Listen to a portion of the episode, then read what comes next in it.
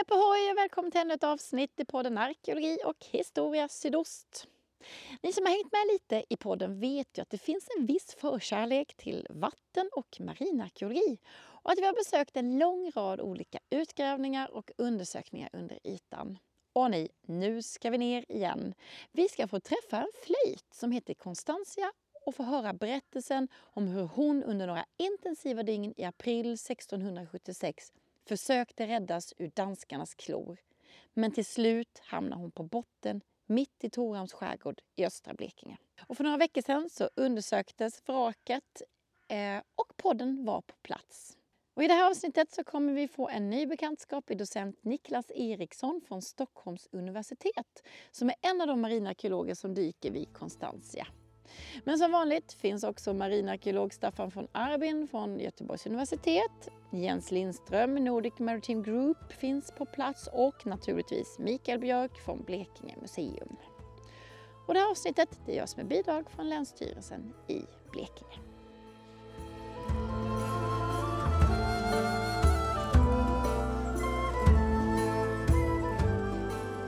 Nu befinner vi oss öster om Inlängan och norr om Kuggaskär.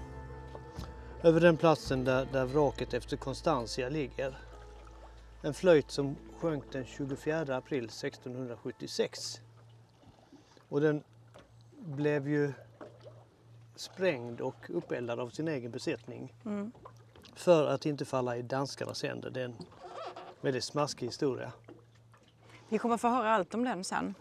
Vad gör, vad gör ni idag? Eller har ni har varit här måndag, tisdag, onsdag? Ja, idag är det onsdag så det är tredje dagen, sista dagen som, som vi dyker på vraket. Och Vi är här för att eh, ta reda på skeppets kondition. Hur mycket är kvar av det? Eh, hur ser det ut här? Det har dykts här många gånger tidigare och det gjordes en grävning på 70-talet, 1970 till 72. Men det finns ingen riktig marinarkeologisk undersökning utförd här. Nej. Utan det, det var... Det, det grävdes och det bärgades saker. Men det finns ingen rapport därifrån. Och det är det som vi ska göra nu. Vi ska mäta det, både längd och bredd. Titta på konditionen, metalldetektera. Såga dendroprov så att vi kan få reda på varifrån kom virket, när avverkades det. Och, och få en allmän bild av vraket. Och sen ska vi också fotografera det. Ett par tusen bilder som man sätter ihop i ett dataprogram då till eh, en fotogrammetri, en 3D-bild som vi till och med kan skriva ut med en, en 3D-skrivare. Vad häftigt. Ja. Så just, nu- just nu är Staffan von Arbin nere och sågar dendroprov. Och Nick, Staffan jobbar på eh, Göteborgs universitet, doktorand där. Och sen har vi då docent Niklas Eriksson från Stockholms universitet som är nere och ritar, ritar av vraket och undersöker de små, små detaljerna. Men som dykningen som ni har gjort här då i tre dagar, vad, vad, blir, vad ska resultatet bli?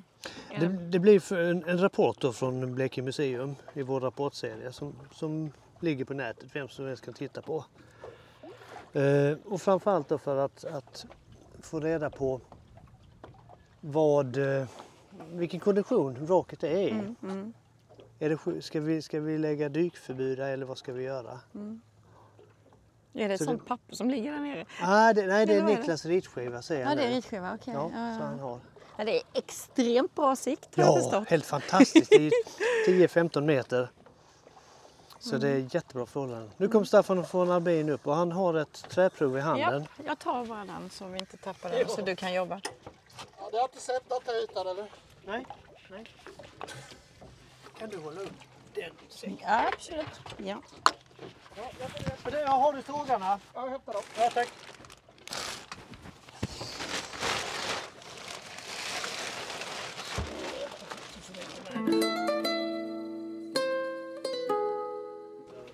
Nu är det någon. Nu, Hallå? du...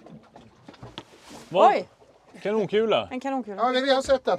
Ja. Jättecool, rolig bild.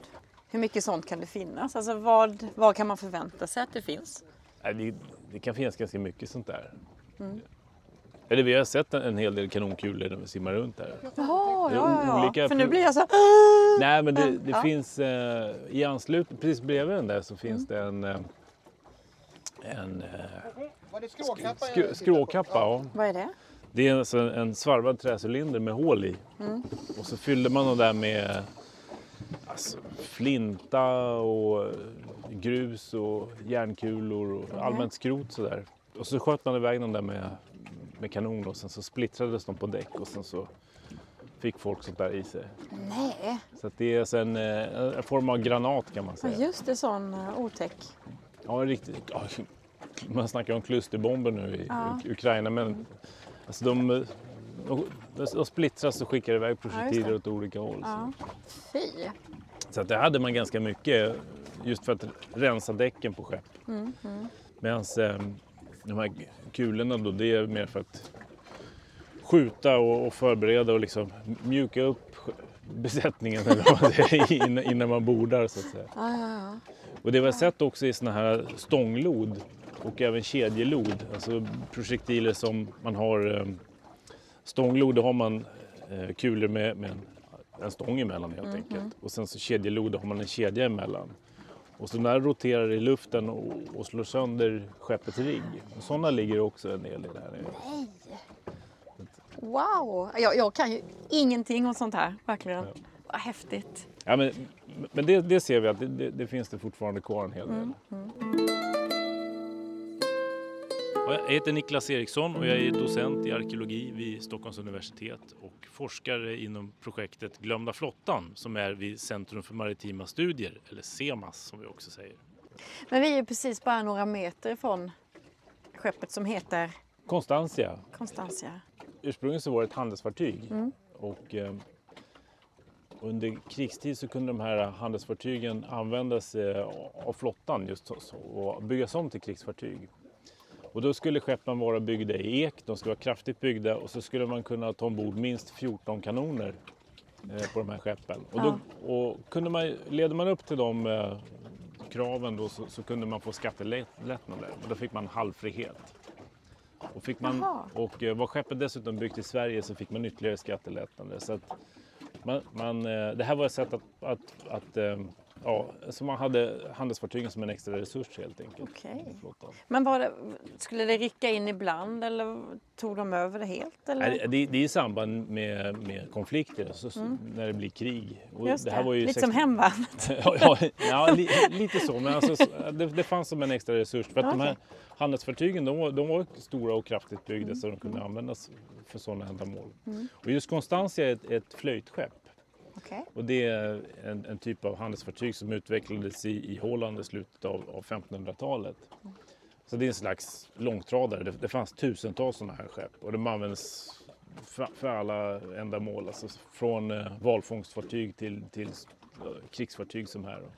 Men vad som ägde henne då? Eh, det har inte jag koll på ex, exakt. Det har, det, det har jag inte färskt i minnet. Men de Nej. brukade ägas av, av partrederier. Där Okej. alltså olika Ja, ja, ja. Ägare gick, gick ihop och ägde andelar i skeppen så att man spred riskerna i, i samband med, med, eh, i, i samband med handel. Och då var det ofta eh, holländare som, som eh, var bosatta i, i Sverige och som gjorde eh, business med, med hemlandet. Så. Och det kan man säga också att, att eh, flöjten som, som fartygsstyg är typ är ju holländsk. Och Sveriges handel under 1600-talet är ju holländsk i väldigt stor utsträckning.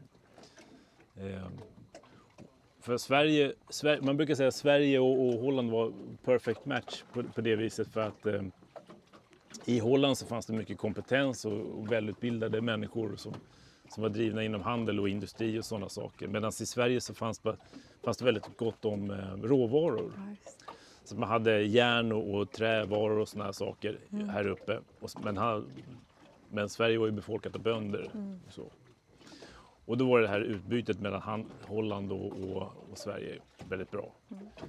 Så att man hade holländska släkter som flyttade till Sverige och gjorde business med, med hemlandet. Och så hade man råvaror som gick fram och tillbaka. Och allt det som färdades, det färdades ombord på flöjtskepp egentligen. Så att både människor och varor färdades mellan mellan Sverige och, och kontinenten egentligen på, på just sådana skepp.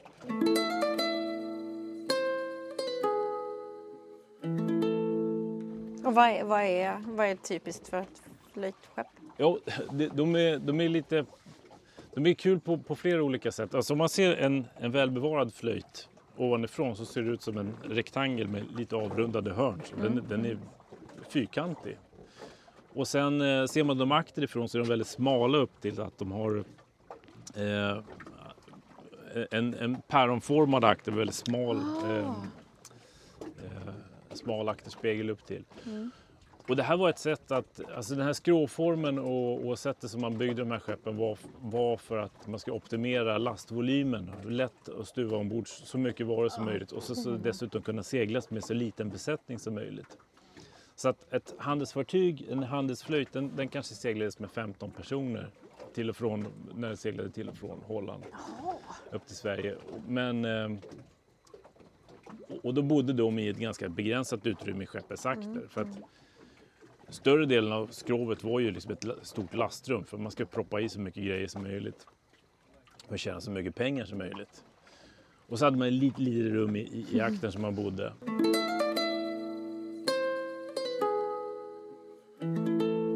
För att återgå till Constantia var att eh, eh, flottan då de gav, gav friheter och, och skattelättnader till de skeppare som, som eh, byggde stora skepp som kunde användas i, i krigstid.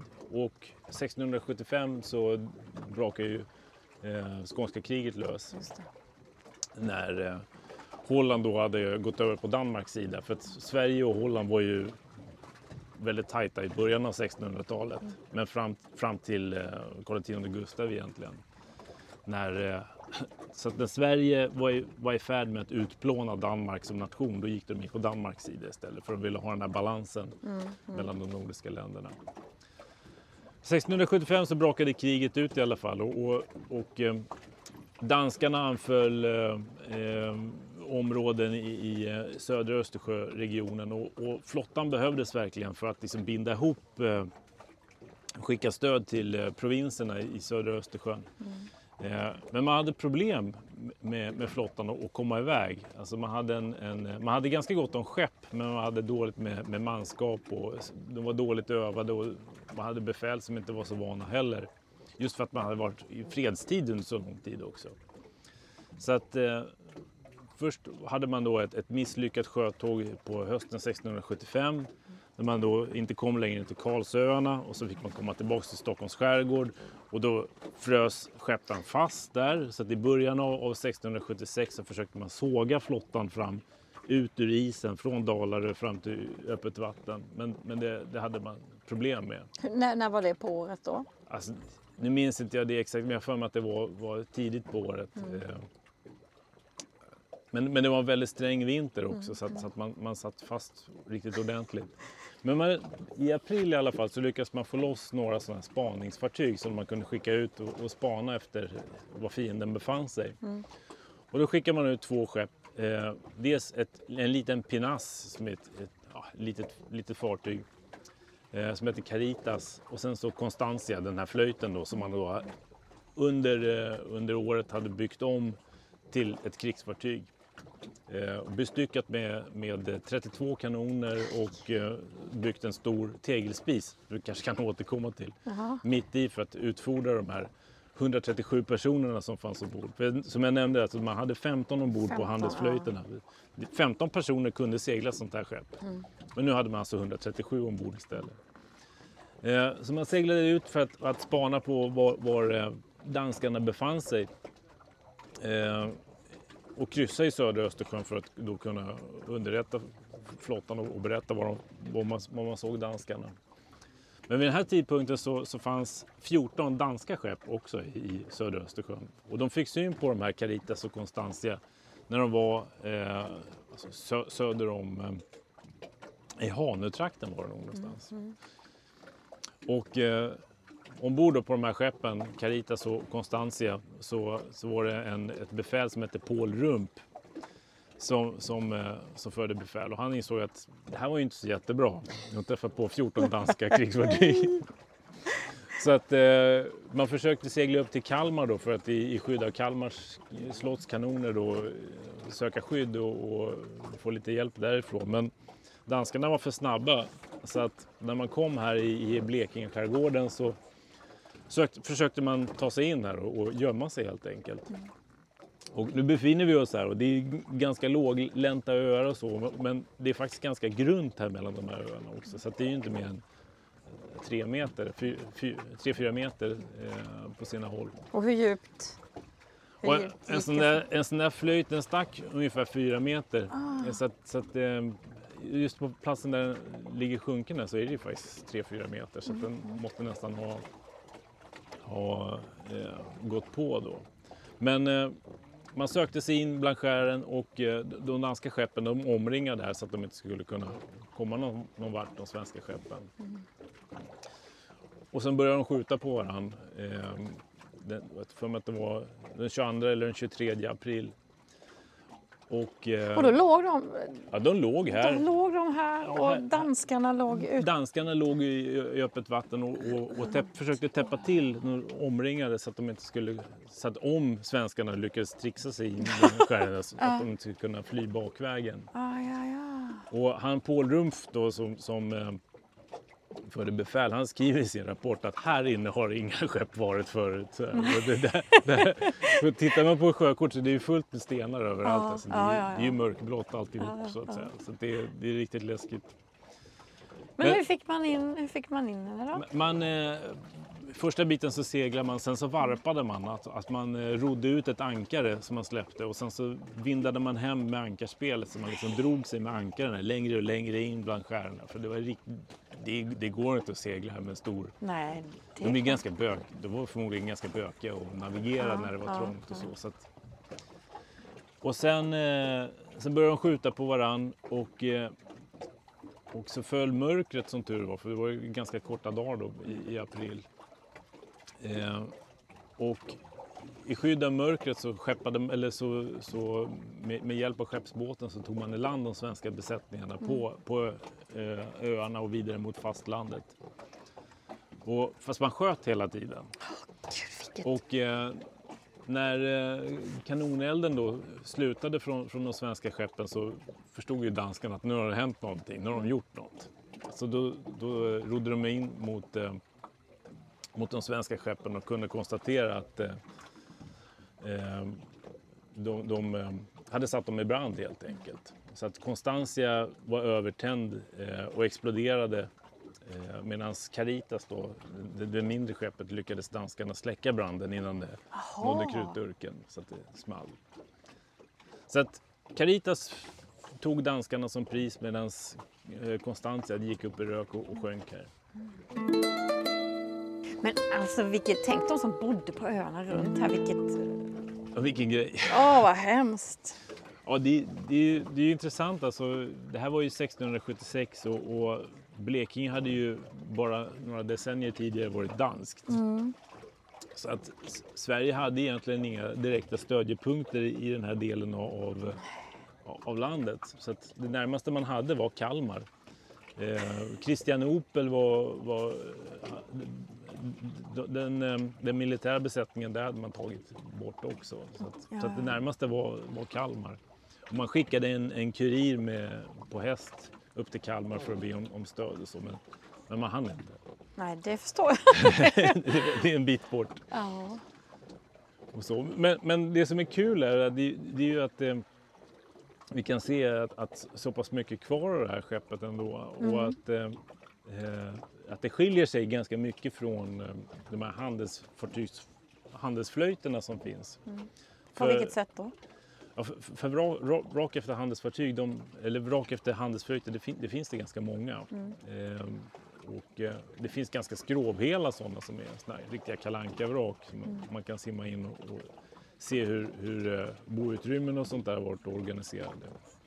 Och då ser vi ju på, på, här, på Constantia, även om bara botten, alltså den allra nedersta delen av skeppet finns kvar för att Skepp, dels så brann ju, brann det ju kraftigt när det sjönk och sen har isen och, och bärgningsaktiviteter genom århundradena gjort sitt också.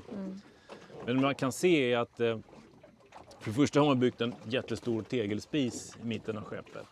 Och, och att placera en stor tegelspis i mitten ehm, det ser man på, på krigsfartyg från 1600-talet också. Det har man ju liksom på eh, Vasa har ju en sån, det är en liknande som, som, som på Vasa eller på Kronan eller på Riksäpplet och Svärdet och alla de här fartygen. För det här ska ju, där ska man ju laga mat till 137 Ja, personer, herregud. inte bara 15 pers. Liksom. Eh, och det har man ju byggt i det här lastrummet då som, där man har alltså, tidigare lastat eh, stångjärn och, och svenska industrivaror egentligen. Eh, så har man då byggt om det för att, för att göra ett, eh, ett krigsfartyg. Och sen ser vi ju just projektiler. Eh, vi hittar både rundkulor och, och såna här stånglod som jag nämnde tidigare. Som man hade för skeppets rigg och, och så. Eh, ligger också spridda på platsen. Och sen ser man eh, att man byggt upp rum i, i, i skeppet. Just det, och det var bara ett stort... Var det bara stort innan? Alltså ett, stort, ett enda stort luftrum? Ja, ett, ett, stort last. Lastutrymme, ja. Ja, precis. Alltså, flöjtskeppen de, de hade ett hålskepp och sen hade de ofta ett, ett, eh, ett trossdäck kallar man det för. Eh, där man då hade varor som behövde vara, förvaras lite mer torrt. Ja, ja, ja, ja, just det. Eh, Aha. så att finare varor som, inte vet jag, man kan ha tyger eller böcker eller ofta har man trävaror och sånt också på, på just trossdäcket. Medan man har tyngre grejer ne- nere i eh, eh, Det kommer en där bara för att lite så.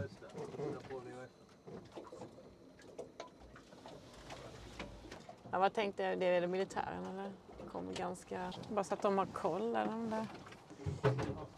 Är det militären eller? Rätt bra här. Ja. De har slagit av på farten så att det verkar nästan som någon vill snacka med oss.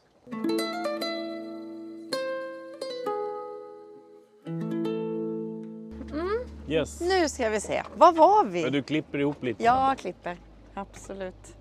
Ja, Det vi kan se är ju att eh, lastrummet i den här handelsflöjten har, har, man, har man byggt om och byggt eh, dels den här stora spisen som jag nämnde.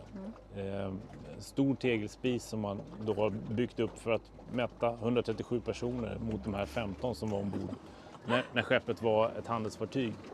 Och sen kan man ju se också att det här stora karaktäristiska lastrummet för, eh, som är så typiskt för handelsfartyg, det har man eh, byggt, eller styckat upp i, i mindre rum också. Så att det finns, de har byggt mellanväggar då, så separerat olika funktioner i, i skeppet. Och eh, flöjterna var ofta uppbyggda så att man hade ett stort lastrum längst ner, ett, hålskepp där man kunde ha stora tunga varor som järn och, och stångjärn och, och, och koppar och allt vad det var, kanoner eller vad man nu exporterade. Och sen ovanför det så hade man ett, ett, det man kallar för trossdäck där man har alltså varor som behövde förvaras torrare och som inte var lika tunga heller. Som tyger och böcker och, trävaror och sånt. Så ofta så hade man järnvaror längst ner och så hade man trävaror ovanpå på det här trossdäcket. Men det man, man gjorde då när, eh, när man byggde om de här flöjterna från handelsfartyg till eh, krigsfartyg, det var förutom att man byggde den här stora spisen, var att man byggde om det här eh, trossdäcket till ett kanondäck egentligen. Så att där stoppar man in eh, de här kanonerna, järnkanonerna. Och sen så sågade man upp eh, såna här fyrkantiga kanonportar ut med skeppets sidor. Så att eh, eh, det man hade då ombord på, på Constantia var 32 stycken järnkanoner, gjutjärnskanoner. 16 på varje sida då eller? Ja, precis. Herregud. Men hur, hur lång... eh, Det står ju här, eller sitter här, eller står. hur lång är hon då? I sitt nuvarande skick så är vraket 25,5 meter långt. Men man kan väl säga att eh, förmodligen så har skeppet varit ungefär 32 meter över stäv. Alltså mellan för och akterstäv. Och sen så har det varit en galjon framme i fören och sen så har det varit ett litet överhäng i skeppets akter. Så det är, det är ett ganska litet fartyg ändå. Eller mitt, mittemellan stort ska man säga. Det, det finns flöjtskepp som är både större och mindre än Constantia. Så att, ungefär 32 meter över stäv. Kunde få plats så mycket folk? Ja, det, det är svårt att Det- förstå faktiskt. Men, Var sov de då? alltså det, det är ju också en sån här rolig grej om man- jämför med, med eh, handelsflöjterna där, där alla bodde i skeppets akter. Där man hade också boutrymmen. Så man åt och sov och gick på toaletten in i samma lilla utrymme i skeppets akter. det, det man kan se på sådana här skepp som, eh, som har byggts om, det är att folk är spridda över, över hela skeppet. Och det är lite roligt också för att eh, man får ju också sin, sin, eh, sin tillhörighet eller sin status utifrån var man bor eh, i skeppet. Så att ju längre akterut, ju längre högre upp i skeppet, desto finare. Och sen så blir det liksom sämre och sämre. Så långt fram i fören, nere under däck, där bor de som står absolut lägst i rang. Men eh, besättningen, alltså, eller, bodde bland kanonerna på ett sånt här fartyg. Eh, alltså, man hade... Eh, de, de fick sova på, på kanondäck eh, bland kanonerna. Och sen så hade man då eh, be, be, befäl och sånt i kajutan. Man brukar skilja på kajutfolk och gement folk.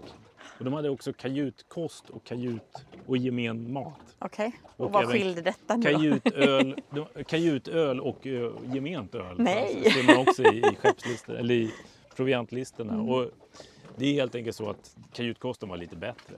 Mm. Och det var också en så, sån sak som man kunde liksom förhandla sig till eller få som belöning som, som gemen, att man fick kajutkost i olika sammanhang. Så det var väl kanske lite som vanligt att de som egentligen inte behövde så mycket energi Nej, nej. fick mest. Ja, ja men lite så. Ja, så ja. Precis. Det är så det funkar. Och, och, och där har man ju, om man jämför det med en handels, handelsflöjt så, så ser man ju inte alls den här uppdelningen mellan hög och låg Nej. ombord på skeppet. Så att, det är också en kul aspekt tycker jag av, av Constantia. Att man har den där uppdelningen hur liksom hierarkin flyttar ombord på ett handelsfartyg och så, så blir det ett krigsfartyg. Så, så tekniken är ju Alltså det är inte tekniskt mer avancerat ett, ett, ett, ett, eh, ett krigsfart, en krigsfartygsflöjt mot en eh, handelsflöjt. Det är bara det att man fördelar människor på ett annat sam sätt så, så, så, så funkar det på ett annat sätt. Sen kan man säga en annan intressant sak man pratar om, eh, tidig modern ekonomi och eh, samarbetet Sverige-Holland och, och allt det här. Det är att på ett sånt här skepp så, så hade man ju billigare, billigare kanoner, eh, alltså såna här jä- järnkanoner.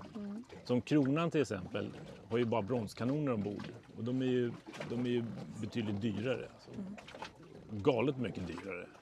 Eh, Medan de här eh, järnkanonerna var väldigt billiga. Och de är en, eh, alltså en nyhet vid den här tiden som introduceras just av holländska eh, släkter och då framförallt Louis De Geer som, som är på om att man ska börja tillverka järnkanoner.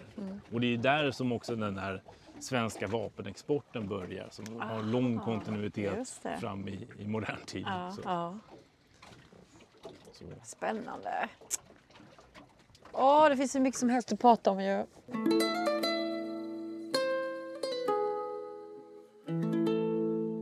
Jag, jag, jag, jobbar i, eh, jag jobbar på Stockholms universitet som, som forskare eh, inom ett projekt som heter Glömda flottan. Och vi, eh, Den känner jag igen. Vi är, eh, jag kommer inte ihåg om vi är 12, 12 forskare är vi nog faktiskt. Eh, så- Som har olika delprojekt då, som ska belysa forskaren på, belysa flottan på olika sätt. Och det här är ett stort program säger man som- finansieras av Riksbankens jubileumsfond. Eh, och vi har alla separata projekt och jag, mitt, mitt fokus är att skriva en tjock bok om svensk skeppsarkitektur under perioden 1450 till 1850. Och det, det, kommer, det låter som ett jättestort jobb och det är det också. Men jag har sex år på mig som, att skriva den här boken. Och, och jag tycker det är väldigt roligt just med, med, med, med, med den här flöjten för att eh, är ganska kul på- på flera sätt tycker jag. För att jag skrev min, min doktorsavhandling om, om flöjtskepp. Eh, och nu får jag jobba med krigsfartyg och det här är ju både flöjtskepp och krigsfartyg. så Precis, att, vad häftigt. Ja, hur känns det? För jag tänkte på det när, eftersom jag vet att du eh, då är forskare och, och jobbar mycket kanske vid skrivbord och så. Det där att få komma ner och dyka, hur, hur var det där nere? Alltså, det, var ju, det, här, det var ju väldigt roligt att dyka. Måste säga. Det är en väldigt ro, trevlig plats att, dyka på. Och man kan vara nere väldigt länge också i och med att det bara är fyra meter. Så man, man är nere tills man blir kall och hungrig helt enkelt. Och Men, men även fast det här vraket då undersöktes av, eh, av sportdykare på 70-talet så finns det väldigt mycket kvar att upptäcka. Och, och där måste man nästan ner och titta för att se de här grejerna. Att, är det en sten eller är det en, en trästolpe som är här eller, eller vad det är? Och när man är där nere så det gick upp några det- kom några insikter faktiskt. Ja, för det var det jag tänkte fråga. Ja, menar, hur, hur, eh, hur man har, har liksom organiserat eh, det här skeppet invändigt så, som, som inte jag känner till tidigare och, och som, som jag inte sett förut. Att det är så pass många rum nere i, i botten på det här fartyget. Men sen, sen är det också det att det bästa med fältarbete det är nästan när man sitter på väg hem och känner att fan, fick ju med mycket material här.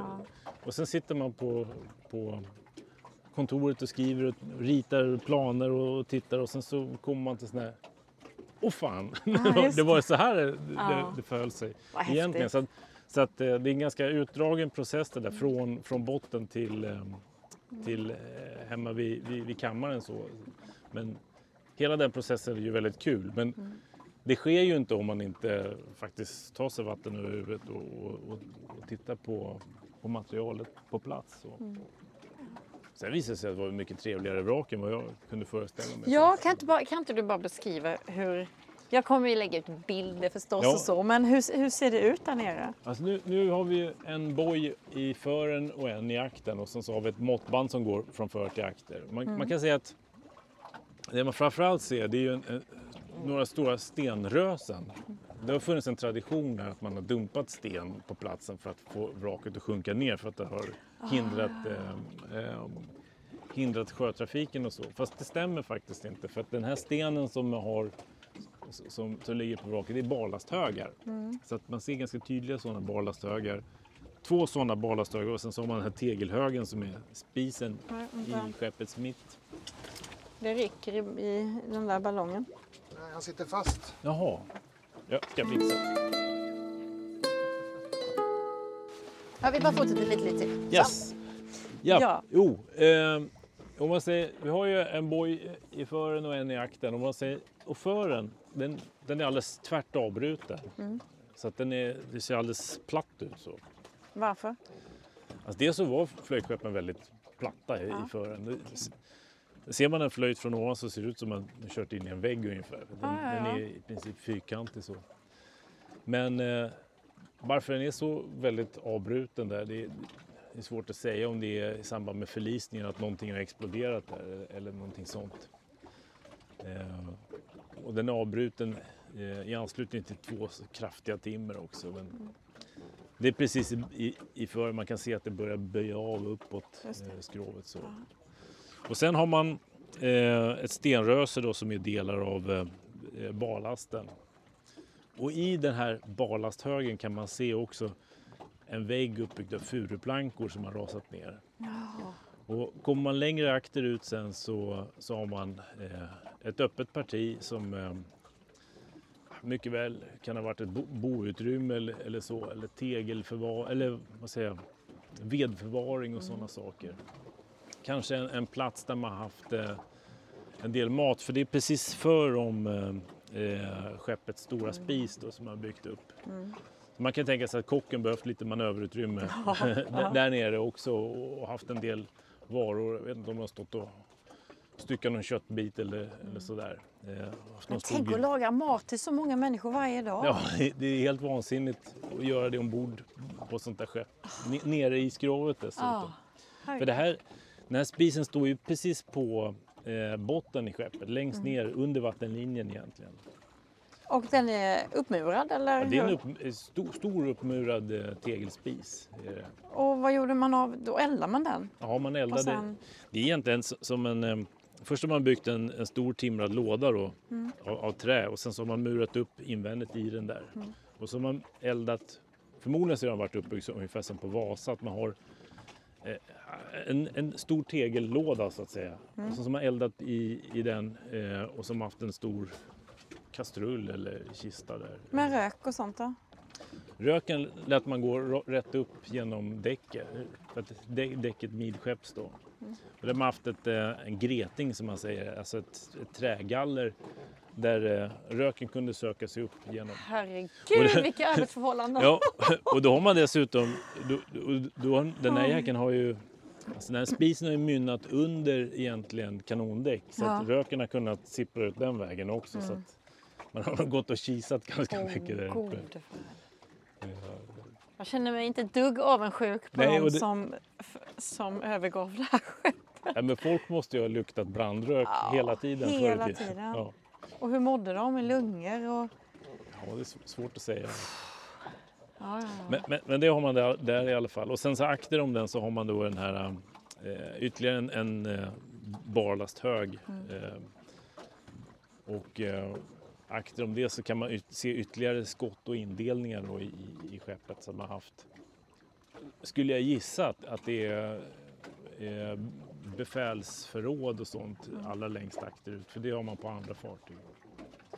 Där, där, där kan man även se några kistor eller lådor som, som eh, man kan se delar av. Som, som inte vet vad, vad, vad, det, är, vad det ligger för grejer i.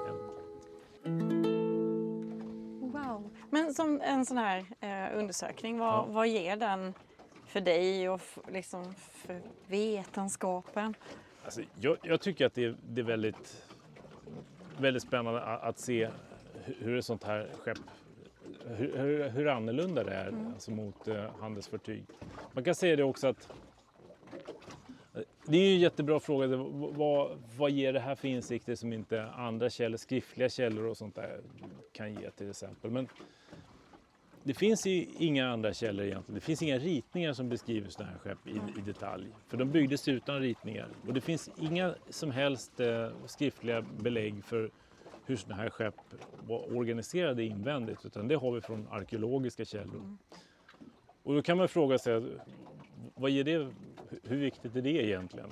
Men samtidigt så, så, så har man ju så- är det med planlösningar till exempel i, i, ett, i, ett, ehm, i ett hus eller ett slott eller ett kontor eller vad det nu är, ett universitet också för den delen, säger ganska mycket om de verksamheter som försiggår där och hur det är att vara där och vilka arbetsförhållanden. Du var inne på det, alltså det här med, med levnadsförhållanden ombord på de här skeppen.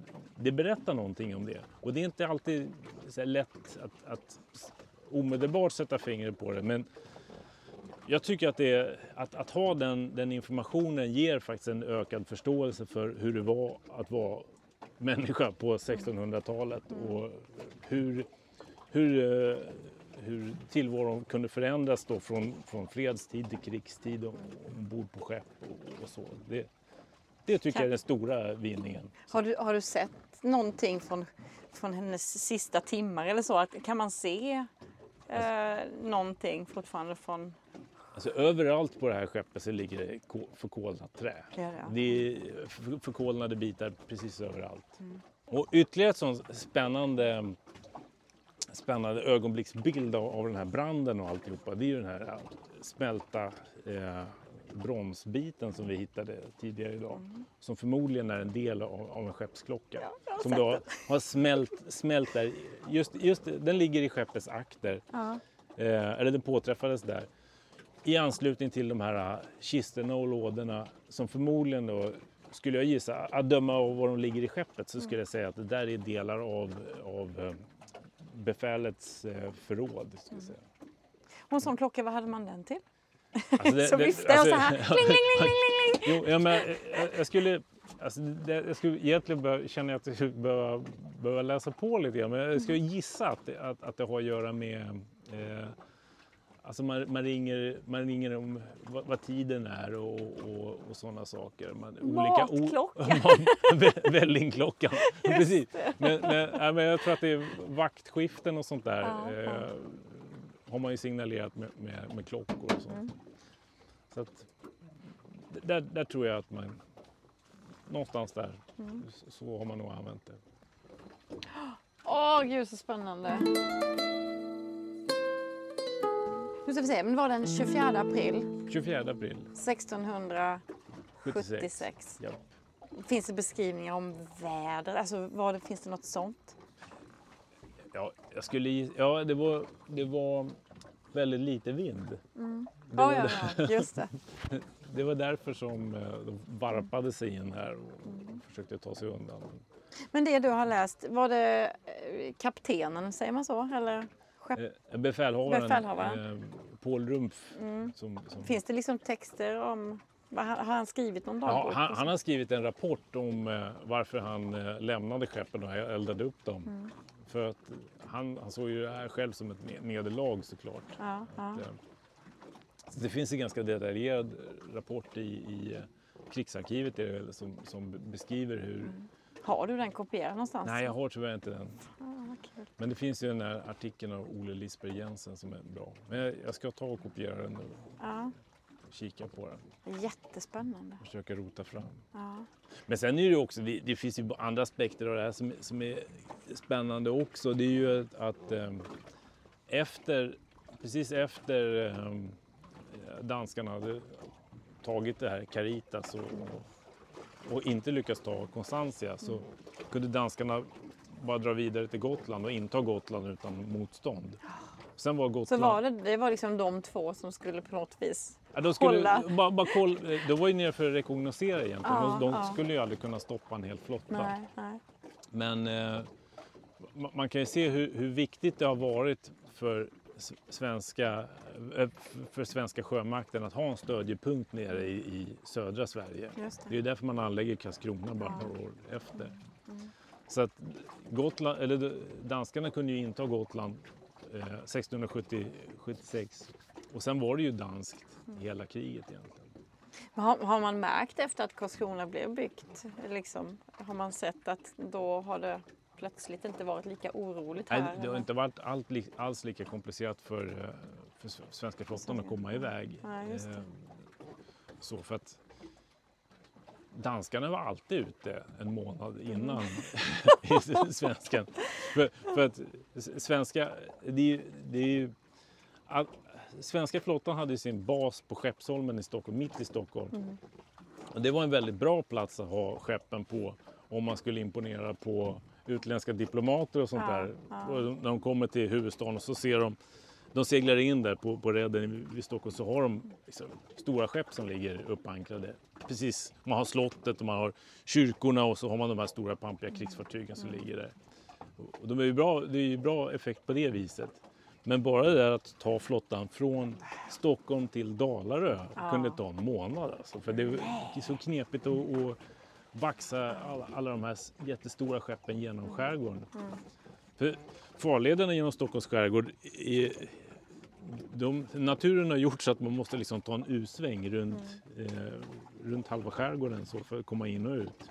Det finns en holländsk diplomat som sk- skriver att för att segla in och ut ur Stockholms skärgård så måste man segla runt hela kompassen. Och, och det, det, det är precis så man måste göra för att det, det är verkligen jätteknepigt. Ja, men så obotat dumt att ha huvudstaden och i alla fall krigsmakten där uppe då. Ja, det, det, det finns en, en logik i det, men, men samtidigt så... Ibland så hade man ju Kalmar då som stödjepunkt som, som länge var liksom den sydligaste, sydliga utposten av Sverige eh, söderut. Och sen så anlade... Eh, ja, ja, fram till 1658 egentligen. Sen, sen växer ju riket och då blir det liksom helt fel. Det var svårt att hålla, hålla kontroll över allting. Alltså detta är så... Åh, det är så spännande! Nu kommer nog han här. Just det, nu kommer Micke. Ska, ska du ner och rädda honom? Nej. Jag Jag, ska kan, jag kan ta din mick där bara. Så. Jaha, just det. Så jag inte tappar den.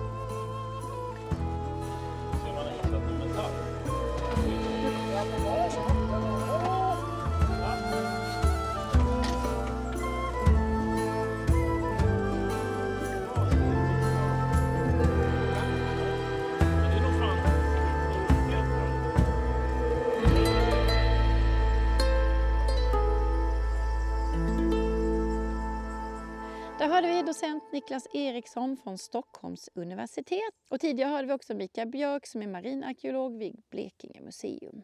Tack också Länsstyrelsen i Blekinge som ständigt är på med att sprida vår arkeologi och historia genom den här podden. Vill du se lite bilder från undersökningen så kan du hitta dem på poddens hemsida arkeologi och historia.se. Där kan du också hitta andra avsnitt och se bilder och filmer från andra platser i främst Blekinge och i Kalmar län. Ja, och det blir mer. Hösten har bara börjat. Vi kommer bland annat att besöka den mystiska ön Blå Jungfrun. Men vi har också varit på Lunds universitet för att träffa några av de här människorna ni vet som jobbar behind the scenes. Vi kommer få lära oss allt om C14 och dendrokronologi. Men mer om det alltså längre fram. Så jag säger bara tack för att du har lyssnat så hörs vi igen.